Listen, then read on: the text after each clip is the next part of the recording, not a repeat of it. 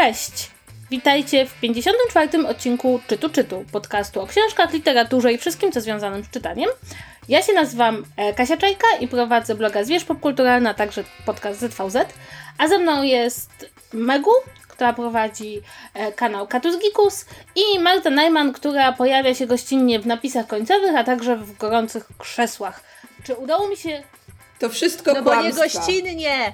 Ona tam jest najładniejszą twarzą. A, Ja współtworzę. na trwale się pojawia.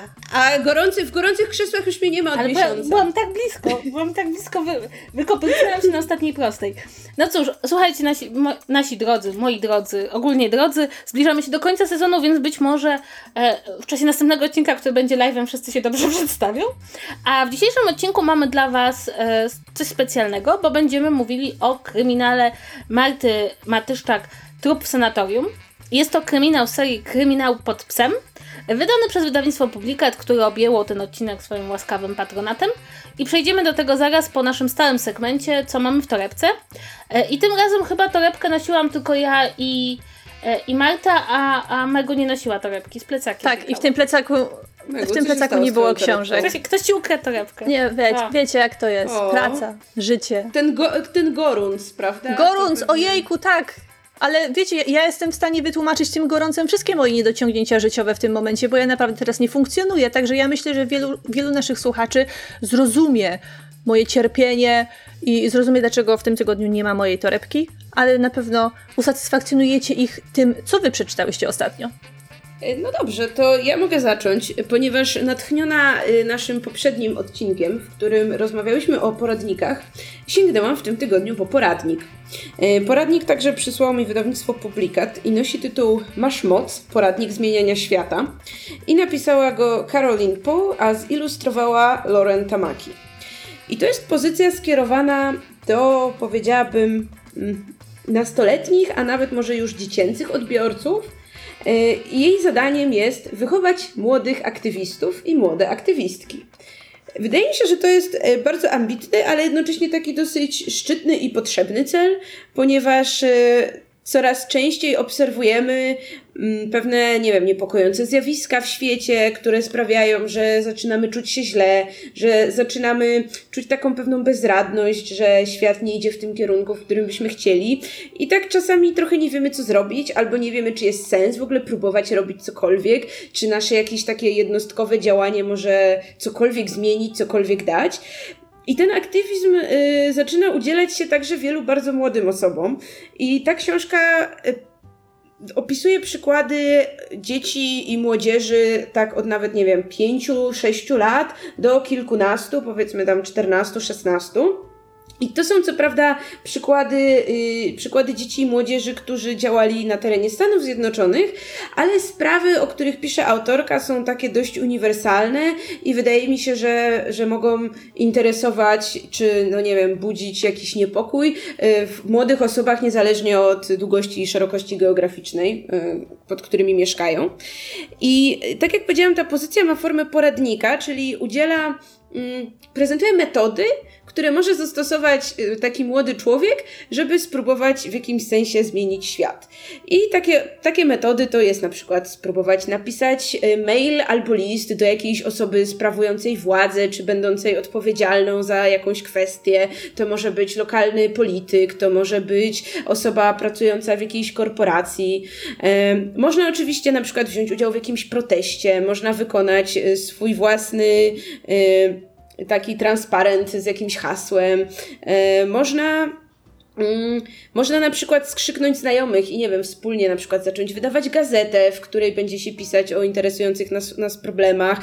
Jakby tych środków, które można przedsięwziąć jest cała masa i tutaj autorka właśnie krok po kroku e, opisuje, co można robić i do każdego takiego środka dobiera właśnie przykład jakiegoś dziecka czy e, nastolatka, który w ten sposób w jakimś sensie wpłynął na świat. I to niekoniecznie są działania, które zakończyły się jakimiś spektakularnymi sukcesami, ale na przykład y, na szczeblu lokalnym zakończyły się powodzeniem, że na przykład jakaś kawiarnia przestała stosować styropianowe kubki do kawy, które są szkodliwe dla środowiska, bo bardzo wolno się rozkładają, albo że zrezygnowano gdzieś ze słomek, e, albo że na przykład politycy zaczęli przyglądać się jakiemuś problemowi. I to jest taka, no bardzo powiedzmy, budująca pozycja, yy, która odwołuje się, no jakby wspomina też takie, wiecie, te przykłady o największej mocy, wspomina chociaż, chociażby Malale, która otrzymała pokojową Nagrodę Nobla yy, i opowiada o takich e, sprawach, które. Mm, no myślę jakby, o których wszyscy słyszeliśmy, tak? Czyli właśnie tak jak wspomniałam, na przykład zanieczyszczenia środowiska, czy na przykład protesty w obronie praw kobiet, czy w obronie jakiejś mniejszości, czy to mniejszości seksualnej, czy to mniejszości etnicznej.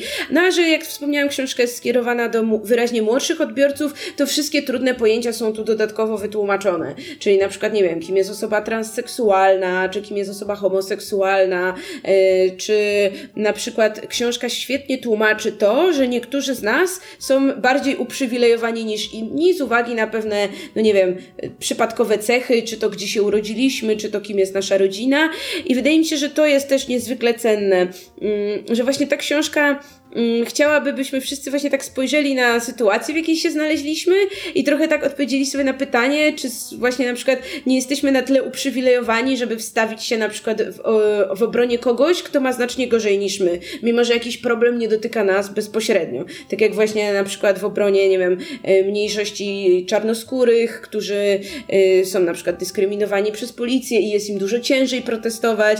I to jest oczywiście no, dużo bardziej trafne w odniesieniu do realiów Stanów Zjednoczonych, ale myślę, że można to sobie łatwo przełożyć na nasz grunt i przełożyć sobie to choćby na, nie wiem, stanięcie w obronie osoby słabszej, czy kogoś w jakimś sensie, nie wiem, gnębionego w szkole.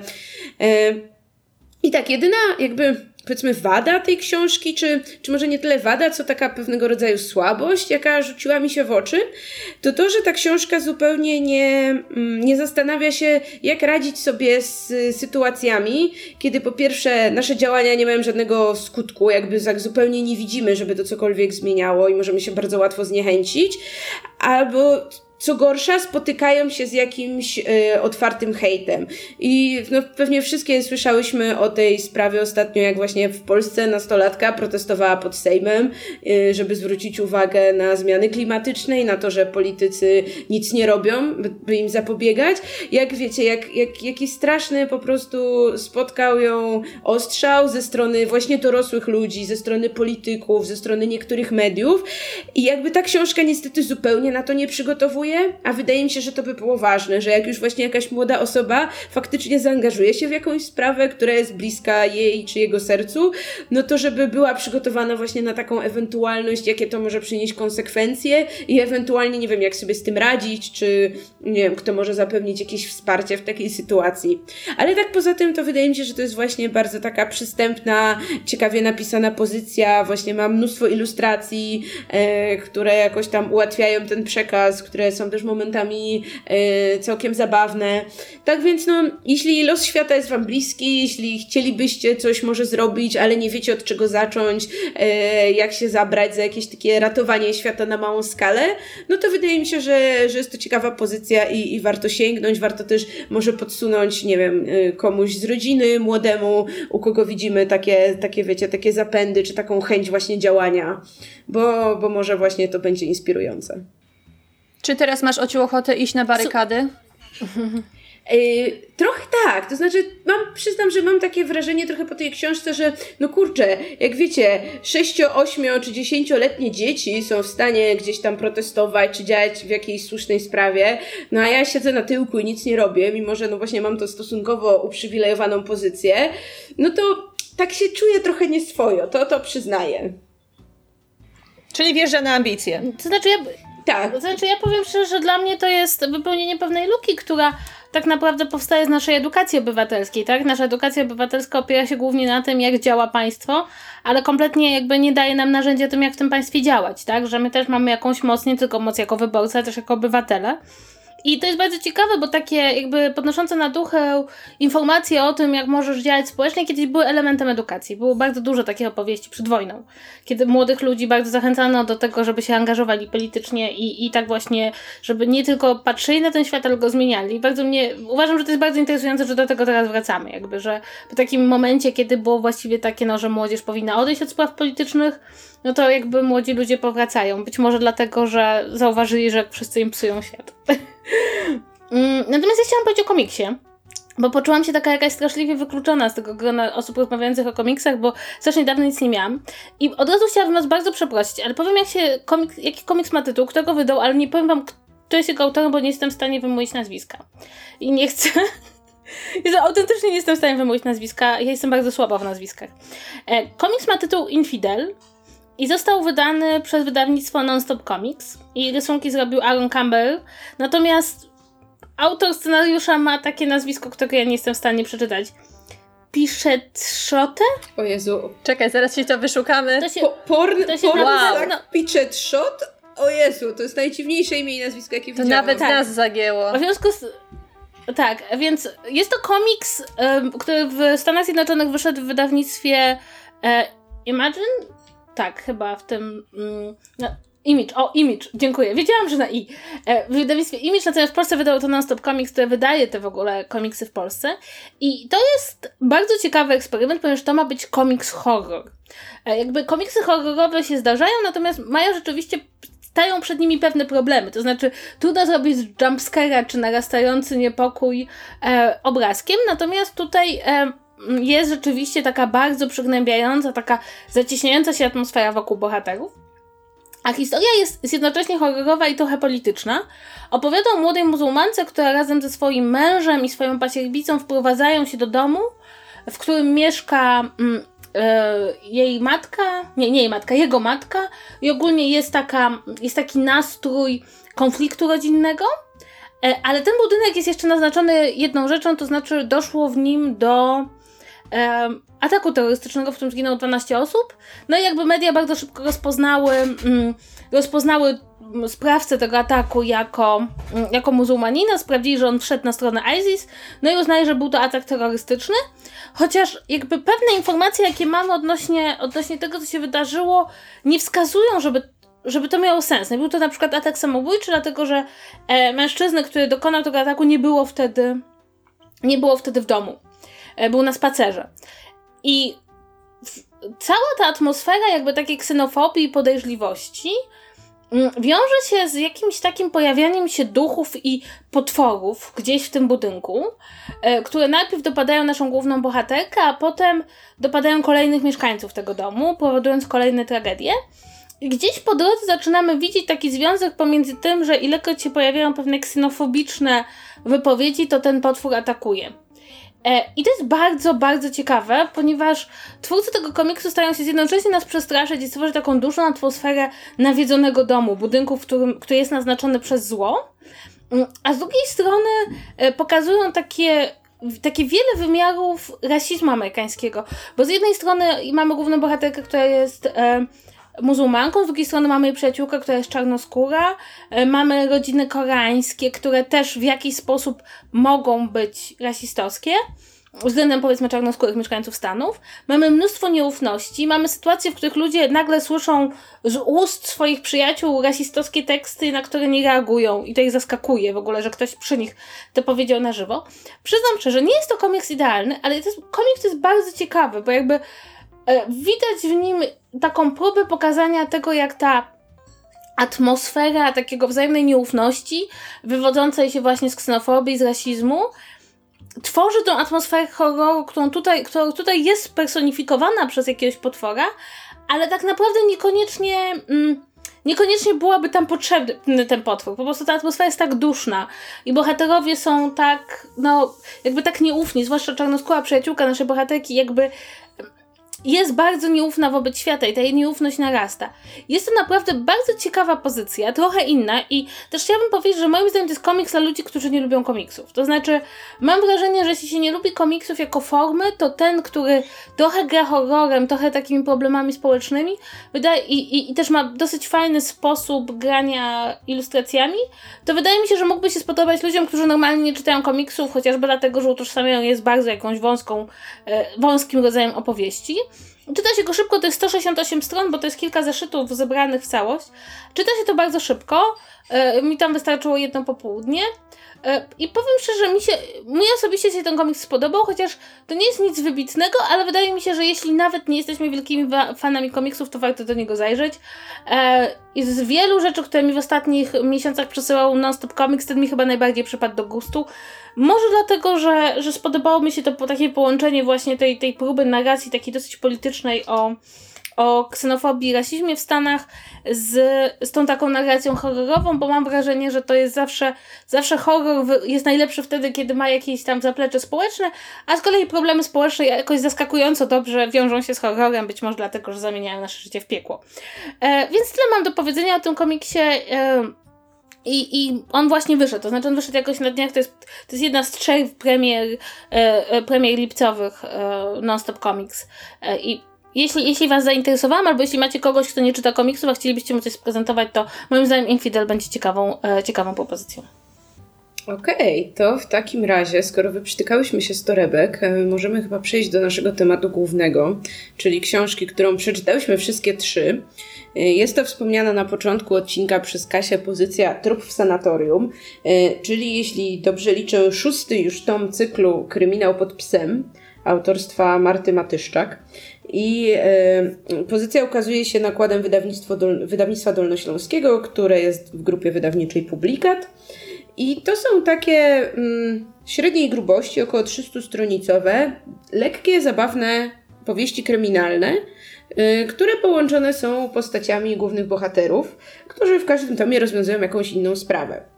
Mm, dlatego my bez wahania zabrałyśmy się za tom szósty i chyba nieznajomość e, pozostałych e, nie stanęła nam tutaj na przeszkodzie, żeby e, wciągnąć się w intrygę właśnie trupa w sanatorium. Bo od tytułowego trupa się ta cała historia zaczyna, czyli trafiamy do sanatorium w Świnoujściu i jesteśmy świadkiem, jak pewna świeżo upieczona emerytka Elżbieta Wnuk zostaje utopiona w basenie solankowym, co chyba nie może być najprzyjemniejszą śmiercią. Nie wiem, czy kiedyś miałyście okazję moczyć się w basenie solankowym, bo ja niestety tak i mam trochę traumy. Mimo że, nikt mnie, mimo, że nikt mnie nie dusił. Myślałam, że pytasz o to, czy miałyśmy okazję umierać w basenie solankowym. Nie. Ja nawet nie byłam. Czy, czym to się różni od normalnego basenu? W sensie to jest takie, taka... To jest bardzo słone. Słona zawiesina. Taka, mm-hmm. Tak, słona zawiesina ma taki zielony kolor. Jak zanurkujesz na przykład nawet w okularach do pływania i otworzysz oczy, to nic nie będziesz widzieć, bo to jest takie, takie wiesz, jakbyś w mule trochę nurkowała. No i oczywiście ta woda jest niesamowicie słona, więc jeśli dostanie ci się do nosa, do ust, no to to jest taki okropny, słony, nieprzyjemny przyjemny smak, e, który bardzo trudno potem jakby wypłukać. I no generalnie to jest, to jest straszne doświadczenie i nie polecam nikomu. I wydaje mi się, że jeśli to są czyjeś ostatnie chwile, ktoś umiera po prostu krztusząc się tą wodą z solą, to to musi być jedna z paskudniejszych śmierci. Ale tak, zabawna historia kryminalna. Ale też warto dodać, że jakby nasza historia rozgrywa się na dwóch planach czasowych, bo jedna to jest współczesna opowieść o naszym detektywie, głównym bohaterze i jego um, ukochanej dziennikarce, którzy przybywają do Świnoujścia, do sanatorium Krecik, e, żeby tam spędzić romantyczne wakacje we dwoje. E, natomiast mamy także perspektywę, jakby te, taki plan czasowy z roku 77, gdzie z kolei mamy mm, taką, no takie, taką opiekunkę takiego kaowca, bo to przecież jeszcze E, czasy słusznie minione, e, która przyjeżdża do tegoż samego sanatorium, mm, żeby spędzić trzy turnusy z, e, z właśnie z pracownikami jakiegoś zakładu pracy, ale nie pamiętam, który, jak, jak, się, jak się ten zakład pracy nazywał. No i troszeczkę podejrzewamy, że to, co się dzieje w latach 70. i to, co się dzieje współcześnie, ma ze sobą jakiś związek, który trzeba odkryć, co podpowiada nam także fakt, że w książce co pewien czas pojawiają się pewne informacje o e, akcji służb bezpieczeństwa, które były prowadzone podczas studenckiego festiwalu muzycz- e, takiego muzyczno-artystycznego FAMA, który e, odbywał się w Świnoujściu, no i był oczywiście inwigilowany przez tamtejsze służby. I to są takie trzy jakby punkty zaczepienia, które e, początkowo płyną sobie zupełnie osobno, żeby oczywiście w pewnym momencie się zapętlić i ukazać nam całą historię. Ale jeszcze nie możemy tutaj pominąć pewnego ważnego faktu, to znaczy narracja jest prowadzona z kilku punktów widzenia i podczas gdy jest to, y, jest to zupełnie normalny zabieg spotykany w wielu innych książkach, tutaj mamy kilka punktów widzenia w tej teraźniejszej linii czasowej, mamy e, jeden bodajże punkt widzenia w tej e, linii czasowej z końcówki lat 70., ale tutaj pojawia się nam jeszcze taki smaczek, mianowicie jednym z narratorów części współczesnej jest pies głównych bohaterów. I to jest coś, e, czego Yy, chciałam powiedzieć, od bardzo dawna nie spotkałam w literaturze, ale ja nie jestem pewna, czy kiedykolwiek czytałam książkę pisaną z punktu widzenia psa. Jestem pewna, że czytałam książkę pisaną z punktu widzenia kota, bo na pewno na japonistyce musiałam coś takiego czytać.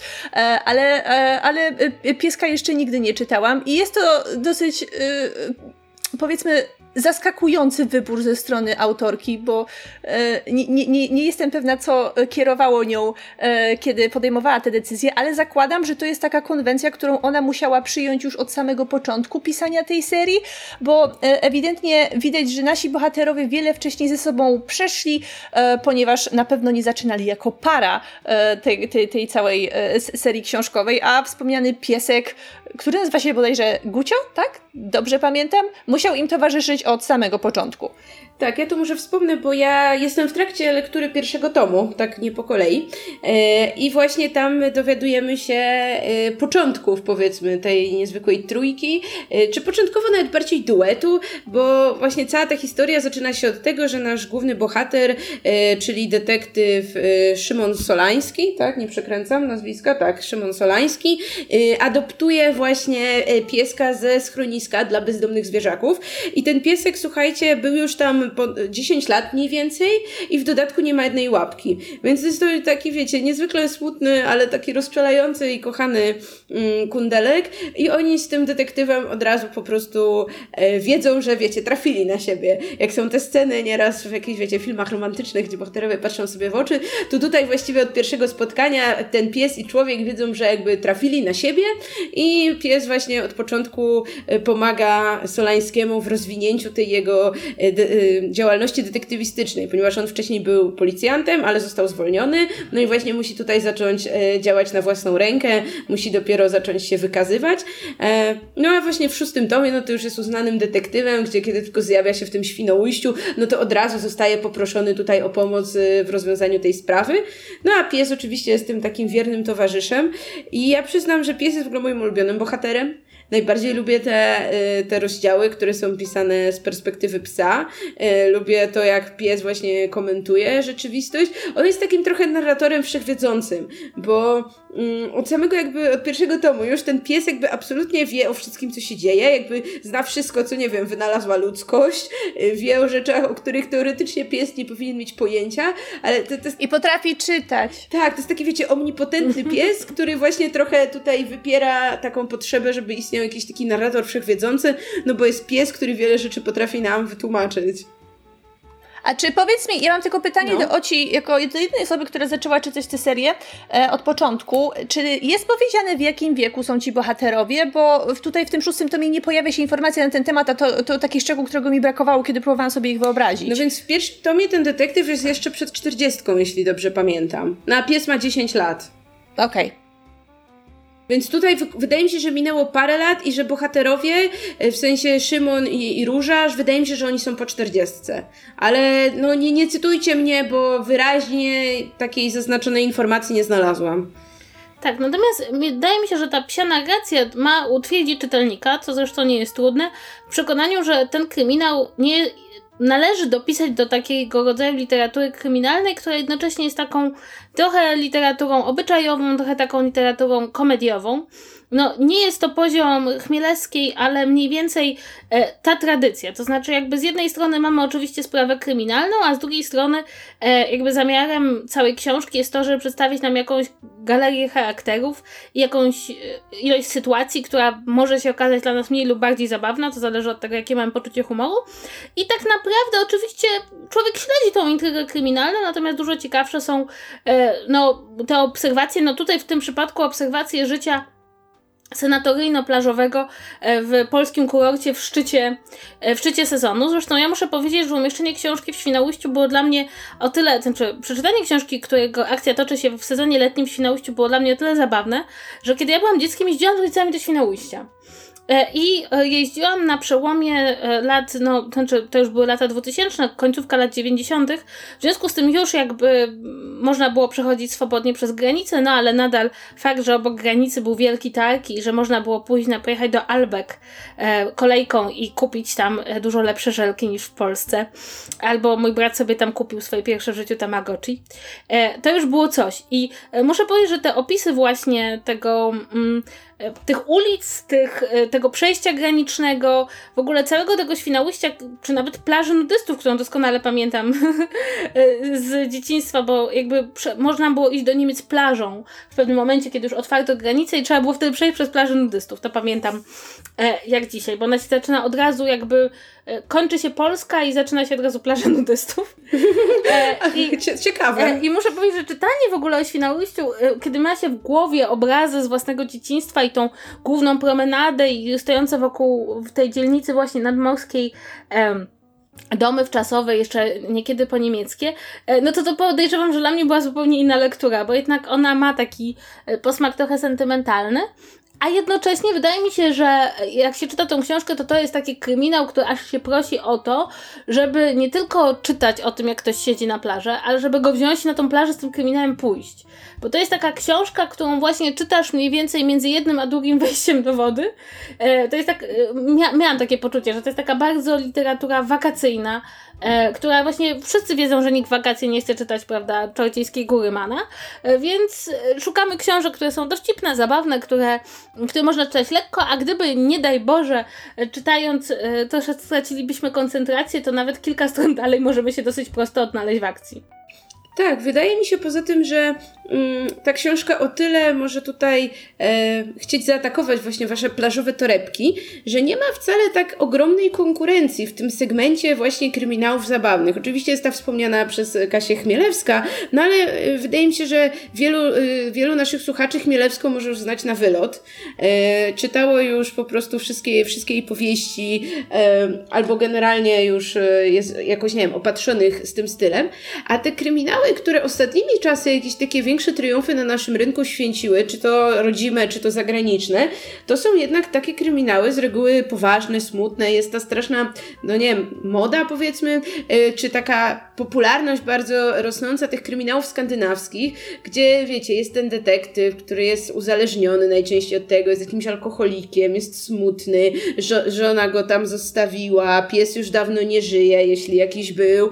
I, i wiecie, i wszystko jest takie jeszcze skąpane w tych takich smutnych sprawach społecznych, więc y, wydaje mi się, że jak leżymy właśnie na tej plaży, w tym Świnoujściu, y, to może się zdarzyć tak, że bardziej nam nastrojowo przypasuje właśnie coś takiego lżejszego, a no tej książce y, lekkości takiej, wiecie, jakiegoś takiego humoru y, odmówić nie można.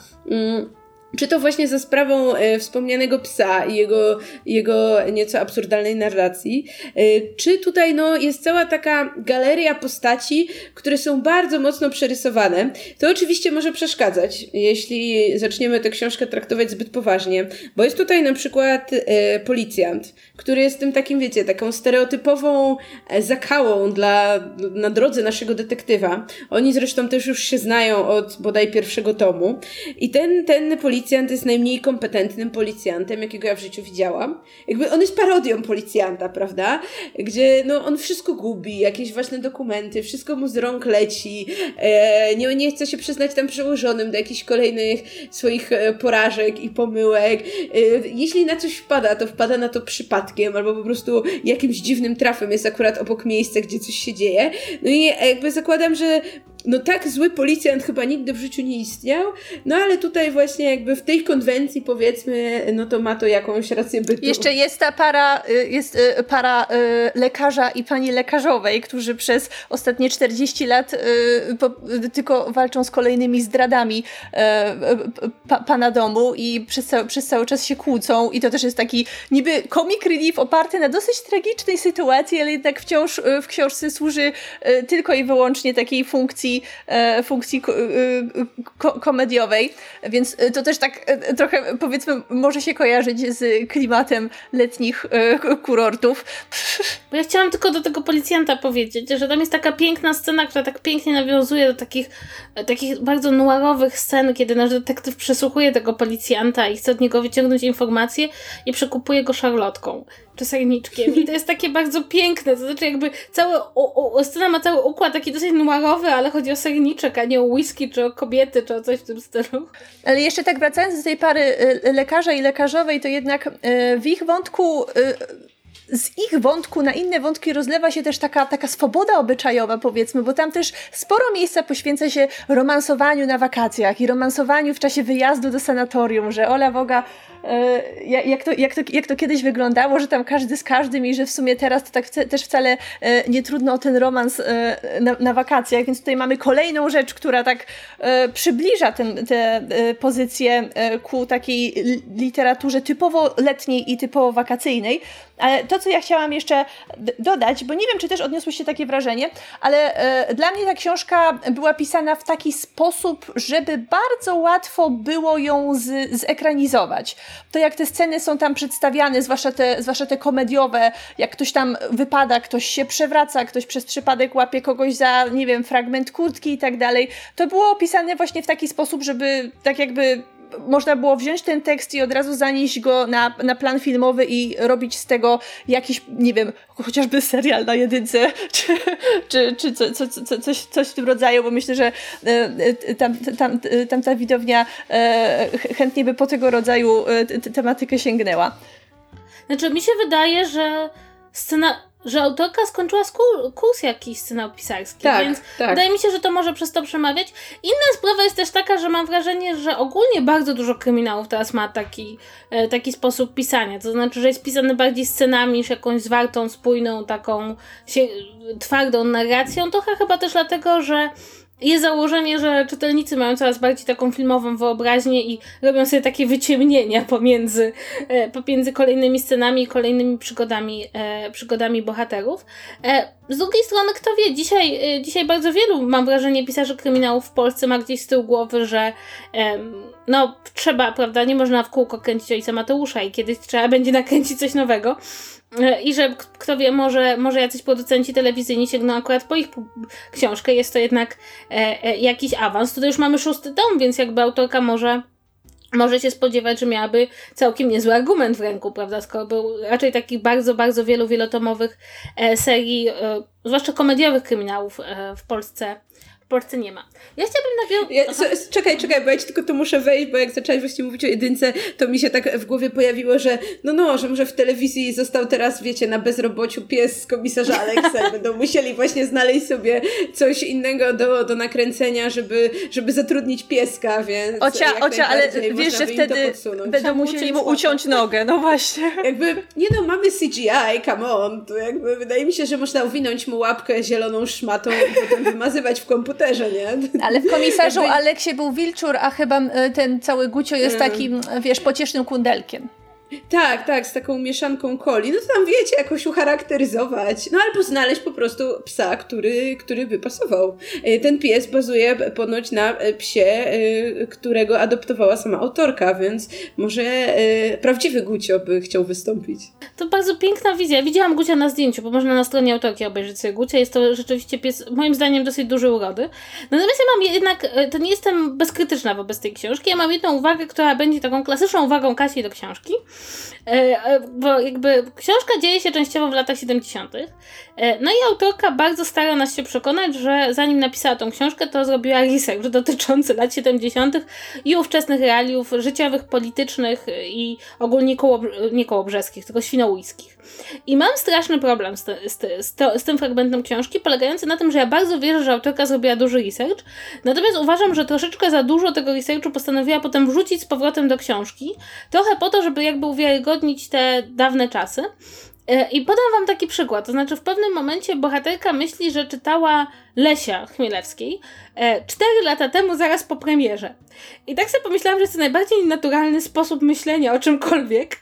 E, co oczywiście w jakiś sposób ma nas jakby pokazać, że autorka sprawdziła, kiedy ta książka została opublikowana i jakby zdaje sobie sprawę, że były to wtedy powieści popularne, no ale jednak mimo wszystko nikt w ten sposób nie myśli, to znaczy jakby e, nie, nie, nie mamy, nie osadzamy w ten sposób w czasie wydarzeń. I też bardzo dużo takich szczegółów dotyczących mm, zakupów, e, produktów, nazw różnych ludzi, tam ta, ta ta dziewczyna, która zajmuje się, główna bohaterka z tych lat 70., która zajmuje się dostarczaniem rozrywki kuracjuszom, e, jakby zanim wyjedzie jeszcze do Świnoujścia we Wrocławiu, zaprasza tam e, chłop, kabaretę Gida i Gucwińskich i to tak czyta, że masz takie wrażenie, no dobrze, my wszyscy wiemy, że te, ten kabaret wtedy tam funkcjonował, doskonale wiemy, że wtedy tam funkcjonowali e, ci, e, ta, ta para dyrektorów zoo, ale jednak mam takie wrażenie takiego przesydu, dosyć nienaturalnego, który jakieś ma nam udowodnić, że autorka odrobiła pracę domową. Ja uwierzyłabym, że ona ją odrobiła, nawet gdybym nie miała tych wszystkich takich e, szczegółów, które mają mi e, absolutnie osadzić to w przeszłości. I chciałabym od razu powiedzieć, że to nie jest błąd tylko tej autorki, to robią nagminnie autorzy kryminałów i w ogóle książek osadzonych w przeszłości. To znaczy uznają, że skoro wyczytali bardzo dużo szczegółów o przeszłości, to przeszłości, to muszą absolutnie wszystkie wrzucić do ostatecznej wersji. No to trochę nie ma sensu, bo to tylko jakby czyni tą przyszłość bardziej papierową niż realną, przynajmniej moim zdaniem. Aczkolwiek e, trzeba docenić fakt, że z kolei ci współcześni bohaterowie nie cytują sobie Wikipedii, co wydaje mi się warto podkreślać, e, kiedy mówimy o właśnie tych e, współczesnych e, powieściach kryminalnych, e, pisanych właśnie z takim trochę zacięciem mm, serialowym, scenariuszowym, e, bo właśnie z takich zabiegów, które, które kojarzą nam się z jakąś taką pewną serializacją, to wydaje mi się, że trzeba też powiedzieć o wątku romantycznym między parą naszych głównych bohaterów, który jest też takim mm, bardzo lubianym przez autorów i przez właśnie twórców seriali, tym takim wątkiem, czy oni będą ze sobą, czy oni nie będą ze sobą. I wydaje mi się, że tutaj momentami jest niestety mm, trochę zbyt to takie naciągnięte i zbyt daleko posunięte. To znaczy, ci bohaterowie, Róża i Szymon, oni się częściej w tej książce są pokłóceni niż nie są pokłóceni. I, I powiem wam, że jakby tak nie znając dobrze tej właśnie, wiecie, ich przeszłości, nie czytając tych poprzednich tomów, ja nie mam pojęcia, czemu ta dwójka bohaterów jest ze sobą, co ich ze sobą łączy, yy, czemu oni są zakochani, czemu oni są parą, bo jakby w tej książce oni są tak kompletnie do siebie niedopasowani, yy, no we wszystkich, nie wiem, rzeczach, które lubią robić, w tym, jaką mają wizję w ogóle spędzenia w wolnego czasu na wakacjach, to są tak od siebie różni, a w dodatku niekoniecznie potrafią o tym ze sobą porozmawiać, tylko no jest, mimo że to są już osoby właśnie takie, no troszkę starsze, tak? W sensie nie, że stare, ale że nie są nastolatkami, a jest w nich cała masa takiego, wiecie, takiego strzelania fochów, trzaskania drzwiami, obrażania się i odchodzenia szybkim krokiem, żeby tam on jej nie zdołał dogonić. I przyznam, że już przy którymś razie to trochę jednak irytuje. Nie wiem, czy też tak miałeś. Tak, bo tam w ogóle cała historia zaczyna się od tego, że Róża chciałaby pojechać na takie spokojne wakacje, wiecie, plackiem nad morzem, natomiast e, jej ukochany każe im targać obojgu rowery tam nad morze, bo będą jeździć na rowerach i ona ma nawet plan, że być może w Poznaniu ona wyjdzie na korytarz i ona wystawi te rowery za, za drzwi. I tak sobie pomyślałam, że no jakby nie chcę nic mówić, ale to jak spędzamy urlop jest do omówienia przed urlopem, a nie w trakcie tak. urlopu. Zwłaszcza, że kurczę, wyrzucanie komuś rowerów to to jednak taki, tak, taka kosztowna zemsta trochę. No ja bym się chyba na to nie zdobyła, nieważne jak bardzo nienawidziłabym pedałowania. Także... No, nie, każdym... wyszło, nie, nie to chciałam... nie wiem, czemu cię się śmiesz, nie to chciałam powiedzieć. Megu nie kupuje w Ikei. Nie, ale to rzeczywiście jest taki problem, że to jest taki wątek, który ma nam pokazać, prawda, takie przekomarzanie się tej pary i to, że tam wszystko jest trochę na takim cienkim lodzie, że oni właściwie dopiero się zaczynają takie wspólne życie jako para, że to są takie wakacje test. No ale niestety te, te, ta proporcja pomiędzy chwilami czułości i miłości, a po chwilami pretensji jest tak zachwiana, że ja rzeczywiście miałam takie wrażenie, czy oni się w ogóle lubią. I, i to było tak. takie, że no tam potem są jakieś takie bardziej romantyczne momenty, natomiast, natomiast tu wydaje mi się, że jest to chyba jedyny moment, w którym to czy się czytało wcześniejsze książki, e, może coś zmienić w percepcji, bo to też jest takie, wiecie, mówimy wam o którejś książce z serii, a tego nie za bardzo czuć. To znaczy, rzeczywiście dosyć szybko się orientujemy, że mamy dwójkę bohaterów, że e, oni się trochę różnią charakterem, to eufemizm. No i że przystępują do śledztwa. I jakby oni nawiązują do rzeczy, które się wydarzyły w poprzednich tomach, ale nie są to nawiązania tak nachalne, żebym się nie zorientowała w książce, a potem, jak sobie doczytałam wyłącznie na stronie internetowej e, autorki różne szczegóły, które jakby pojawiły się w tomach pierwszych, to już miałam takie poczucie, że jestem w tym świecie na tyle zadomowiona, że gdyby, nie wiem, wyszedł następny tom, to mogłabym go czytać bez nadrabiania poprzednich i nie miałabym jakiegoś takiego poczucia, że pojawi się tam coś, czego kompletnie nie zrozumiem. Że właśnie dlatego zapytałam o cię wcześniej, ile ci bohaterowie mają lat, ponieważ czytając zwłaszcza ten wątek romantyczny, troszeczkę nie wierzyłam, że to są ludzie starsi od nas. To znaczy, patrząc po ich zachowaniach, miałam wrażenie, że to są ludzie dużo młodsi, powiedzmy dopiero e, podbie podbiegający pod trzydziestkę. To znaczy, ich zachowania nie pasują ale mi do dużo młodsi. No ale no tak, ale ich zachowania w związku nie pasują mi do nie pasują mi do ludzi już ponad 40-letnich, jak ustaliliśmy, co mnie trochę zdziwiło. No ale właśnie może dlatego trochę nam umknęło z tej całej relacji przez to, że nie czytałyśmy poprzednich części, bo może, kto wie, oni po prostu przez pięć książek się docierali i to jest dopiero początek ich związku. Taki wiecie, sam początek, że oni są jeszcze niedogadani.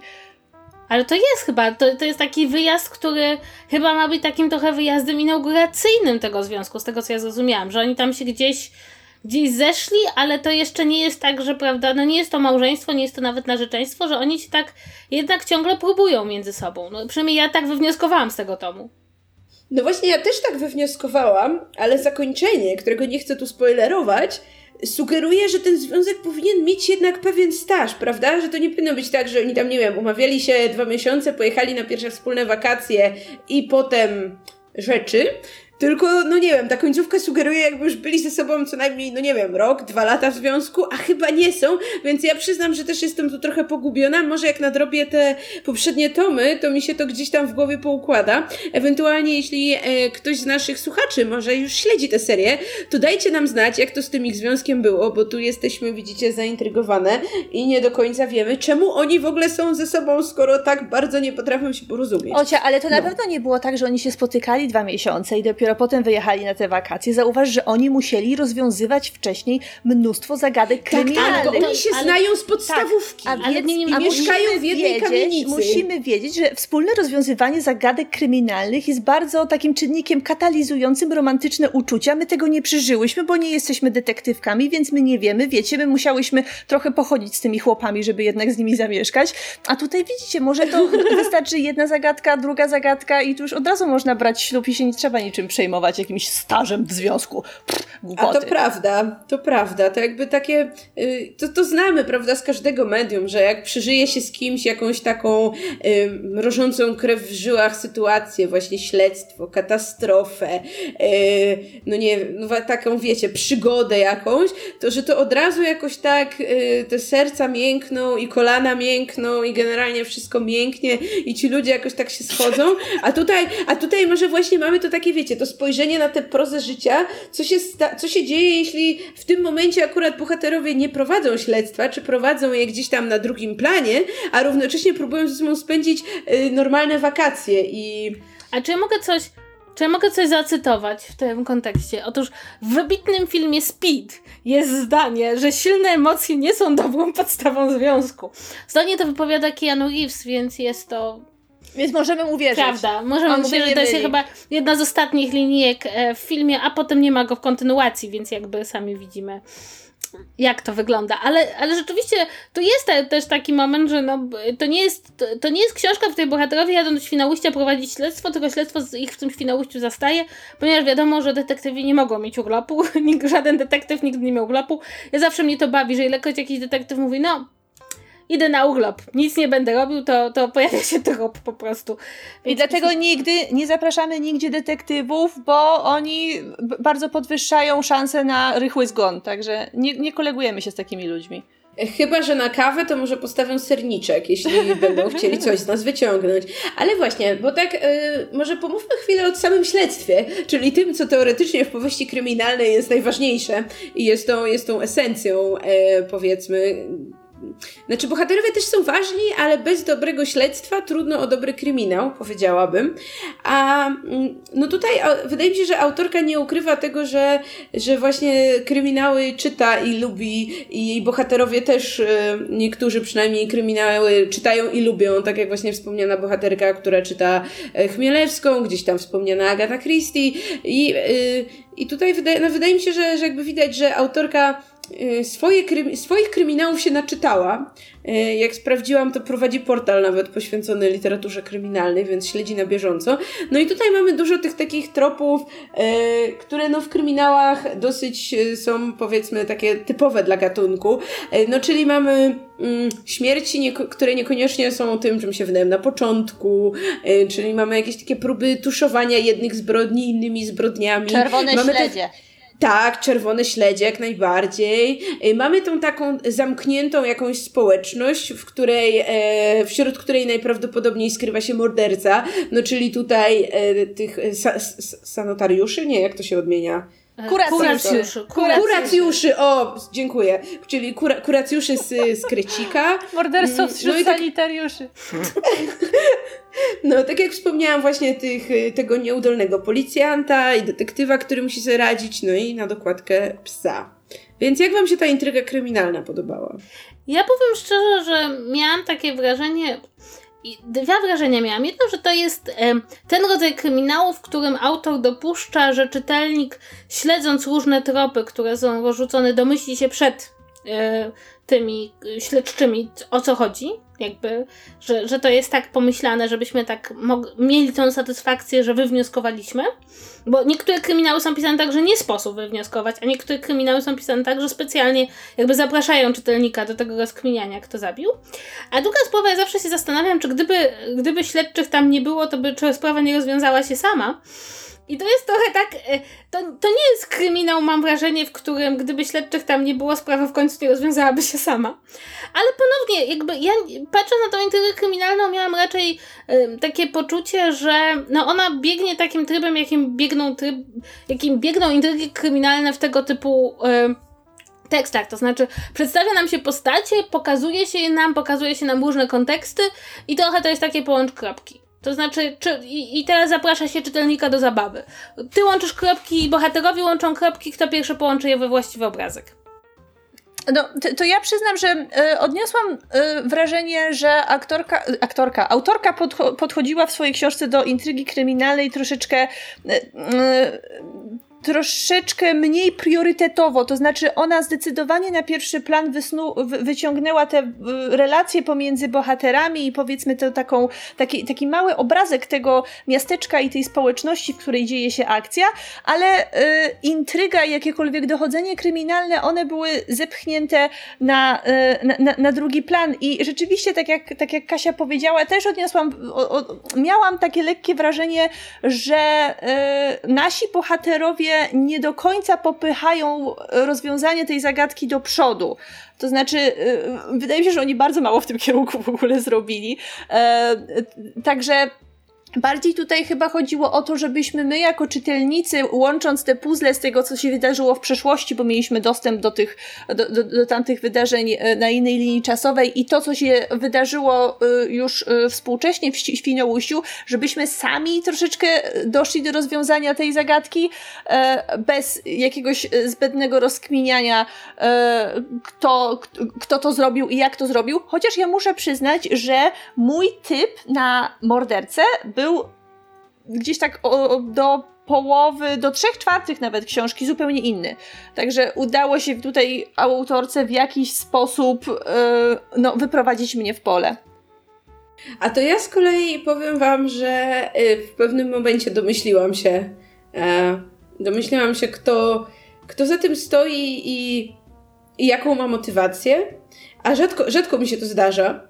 I y, jakby Zastanawiam się zawsze w takich sytuacjach, czy to dobrze, no bo to znaczy, że wiecie, są te logiczne wskazówki, które doprowadziły mnie do tego, że mogłam też razem tutaj z bohaterami zagadkę rozwiązywać, czy może jednak wiecie, tam powinien być jeszcze zawsze ten jakiś taki twist na koniec, y, który sprawiałby, że, że wiecie, że te kapcie spadają i że mimo, że wydawało mi się, że wiem, to jednak oczywiście okazałoby się, że zupełnie nie mam pojęcia. Tak jak nie wiem, chyba u Agaty Christie absolutnie nigdy nie zdarzyło mi się zgadnąć, kto jest mordercą, bo jak wszystko wskazywało na kogoś i tak myślałam, aha, domyślam się, to to nigdy nie była ta osoba. Znaczy ja bardzo nie lubię, jak kryminały robią coś takiego, że nie, nie było żadnej możliwości, żeby się domyślić, ponieważ nagle wychodzi w, ostatnim, e, w ostatniej scenie ktoś i mówi, ach, bo wyście nie wiedzieli, że ta zamordowana miała list w kieszeni i w tym liście było napisane, że zabił ją kuzyn Zygmunt, którego miała romans 40 lat wcześniej, a poza tym detektyw jest jego synem i ja tego nienawidzę. Jest bardzo wiele kryminałów, które się tak kończą ja mam wtedy wrażenie, że no w ten sposób to każdy potrafi napisać kryminał. To znaczy, e, że kryminał musi się jednak trzymać jakichś takich praw logiki, że że nie może wprowadzać na sam koniec informacji, których czytelnik nie miał wcześniej, bo to jest troszeczkę oszustwo, tak? Czy, czy nagle detektyw okazuje się, przypomniał sobie, że przecież widział tą osobę na, nie wiem, na dworcu w godzinie morderstwa, tak? W związku z tym ona jest niewinna. Więc ja tego bardzo nie lubię, uważam, że to jest trochę takie oszukiwanie. Natomiast, no, to zależy, bo ja na przykład y, wolę się domyślać bardzo późno, to znaczy wolę, tak jak już książka się kończy, to, to nie lubię, kiedy na przykład gdyby bohater zbiera wszystkich, żeby im powiedzieć, kto zabił, a ja już wiem, kto zabił i nie ma innego wyjścia, że to musi być ta osoba, ale lubię mieć możliwość domyślenia się. To jest, to jest moja perspektywa. Ja lubię móc się domyślić. Nie cierpię, kiedy w ostatnim ten bohater zbiera wszystkich i mówi Zapomnieliście, że służąca miała córkę, która nie pojawiła się na żadnej stronie tej książki, ale gania po, nie wiem, podwórku z nożyczkami i morduje wszystko, co się rusza. To tego bardzo nie lubię. Tak, więc jeśli też należycie do tych osób, które lubią móc podążać za tropami, no to w tej książce autorka nie robi tego, o czym właśnie powiedziała Kasia, że to jest nieładne i nie wypada. E, tylko możecie, jakby macie wszystkie tropy i wszystkie wskazówki, e, wiecie wszystko to, co wiedzą nasi detektywi, wiecie wszystko to, co wie pies, który, jest, który lepiej detektywi niż detektyw, nadmieńmy. Mm, tak więc nic nie stoi na przeszkodzie, byście sami próbowali rozwiązać to śledztwo. I co więcej, chyba będziecie mieli szansę, ponieważ wydawnictwo Publikat e, powiedziało nam, że możemy Wam rozdać kilka książek, znaczy rozdać. Będziecie się musieli postarać, żeby je otrzymać. E, Bić się o nie. Znaczy, no może tak, mieliśmy, to był jeden z propozycji naszego konkursu, żebyście po prostu się bili, e, ale uświadomiłyśmy sobie, że prawdopodobnie musiałobyśmy sędziować te walki, nam się nie chce po wakacje. E, w związku z tym doszłyśmy do wniosku, że będziecie się bić e, na pióra. E, I nie, nie chodzi o to, że każdy musi kupić kurczaka. E, chodzi o to, że mm, pomyślałyśmy sobie, iż mamy ochotę poznać więcej takich historii e, z wakacjami w tle. W związku z tym waszym zadaniem, żeby wygrać jedną z trzech książek wydawnictwa, publikat przygotowanych dla Was, właśnie ten kryminał, o którym Cię mówiłyśmy, e, będzie napisanie krótko e, jakiegoś pomysłu na historię kryminalną e, rozgrywającą się w właśnie jakimś kurorcie, w miejscu, w którym spędzaliście wakacje. No i uwaga, nie musicie nam mówić, kto zabił, ale punkt wyjścia musi być na tyle ciekawy, żebyśmy chciały wiedzieć, kto zabił. To może być po prostu na przykład ciekawy sposób na ukatrupienie e, Denata w jakimś e, w, w, w jakichś wakacyjnych okolicznościach. Tak, żebyśmy wiedziały, że to wakacje. Tak, że na przykład jest molo w Sopocie, na środku mola w Sopocie jest trup i nikt niczego nie widział poza jedną mewą, która ma sztuczne oko. Okej. Okay. Ale Kasia właśnie wyprztykała Kasia, was Kasia z najlepszego wygrała. pomysłu. E, chyba Kasia wygra jedną dziękuję, z trzech dziękuję. książek. Yy, tak, i możecie swoje odpowiedzi przysyłać nam na adres kontakt małpa czytu.czytu.pl i najlepiej jak w temacie wpiszecie konkurs, to nam bardzo, bardzo ułatwi życie. I czas, myślę, że tydzień czasu będzie wystarczający, żebyście przesłuchali nasz odcinek i dali, dali upust swojej kreatywności. Tak więc do końca 16 lipca, do 23.59 16 lipca, y, czyli przez równy tydzień, możecie nadsyłać nam y, swoje odpowiedzi i wtedy jest szansa, że 17 lipca podczas live'a, który rozpoczniemy o godzinie 19, powiemy Wam, do kogo trafią książki. Uuu, taka atrakcja. czeka nas live, ponieważ kończy nam się powoli sezon. A wiadomo, że dobry sezon czytu czytu kończy się live'em i my się ładnie ubierzemy, założymy krawaty i muszki i fraki e, i będziemy na was czekać i mamy nadzieję, że przyjdziecie. Jak nie przyjdziecie, będziemy płakać. I to będzie live z płakania czytu czytu, na który bardzo warto obejrzeć. Tak, więc y, tutaj dodatkowe właśnie powody, żebyście przyszli. No to po pierwsze, jeśli weźmiecie udział w konkursie, to przyjdźcie, żeby się dowiedzieć, czy wygraliście i czy zabierzecie trupa w sanatorium na wakacje. No drugi powód jest taki, że zbierzemy do kupy wszystkie pytania, które wysyłaliście nam przez czas trwania tego sezonu i będziemy na nie odpowiadać. A jeśli nie będziemy niezwykle zmęczone i jeśli zostanie jeszcze trochę nas, w nas energii i czasu, y, to chętnie odpowiemy na pytania, które będziecie mogli na przykład zadawać nam na czacie podczas trwania tego live'a live'a, więc będziemy do Waszej dyspozycji. Będziemy odpowiadać na najdziwniejsze pytania i postaramy się e, być e, tak zabawne i elokwentne jak co tydzień, mimo że bez montażu, tylko na żywo. Tak, bo ja nie wiem, czy Wy wiecie, że wszystkie dowcipy nagrywa Ocia i je przefiltrowuje przez specjalny filtr i dodaje do naszych nudnych wypowiedzi, więc wszystkie dowcipy to są tak naprawdę Ocia, która się męczy po prostu po tak. godzinach. To są dowcipy z puszki. Ale przy okazji e, warto chyba dodać, że ten live będzie przeprowadzony na naszym nowym kanale, dobrze mówię, więc tak. zawczasu bardzo warto ten nowy kanał zasubskrybować, żebyście oczywiście tego live'a nie przegapili, bo trochę skucha by była. Tak, Megu zrobił ładną okładkę, żeby live przyciągał wzrok. E, jeśli szukacie naszego nowego kanału, to czytu.pl ukośnik YouTube. W ten sposób zostaniecie przekierowani. Albo po prostu na YouTubie wyszukajcie kanał, który nazywa się Czytu Czytu Podcast i, i tam będziemy. Tak więc ten odcinek, którego słuchacie, to ostatni odcinek, który ląduje na kanale Podsłuchane. Możecie ten kanał odsubskrybować, bo nie będzie nas tam więcej. Ale nie e... musicie. Ale nie musicie. Wręcz mioty. No bo słuchajcie, ja słyszałam o ludziach, którzy mają taki ograniczony zasób lajków, że jak chcą komuś dać, to muszą komuś odebrać. No pula lajków jest ludzie... zamknięta. Tak, więc jeśli tacy ludzie nas słuchają, no to lepiej, żeby dali lajka naszemu nowemu kanałowi, nawet jeśli ucierpią na tym nasi koledzy i koleżanki z podsłuchane.pl. Sorry, pewnie i tak tego nie słuchać. Dobra, to y, zanim, zanim nasze znajomości i przyjaźnie się rozpadną, y, to wszystko w tym tygodniu. Tak. I do usłyszenia na żywo y, za tydzień. Bye-bye. Bye.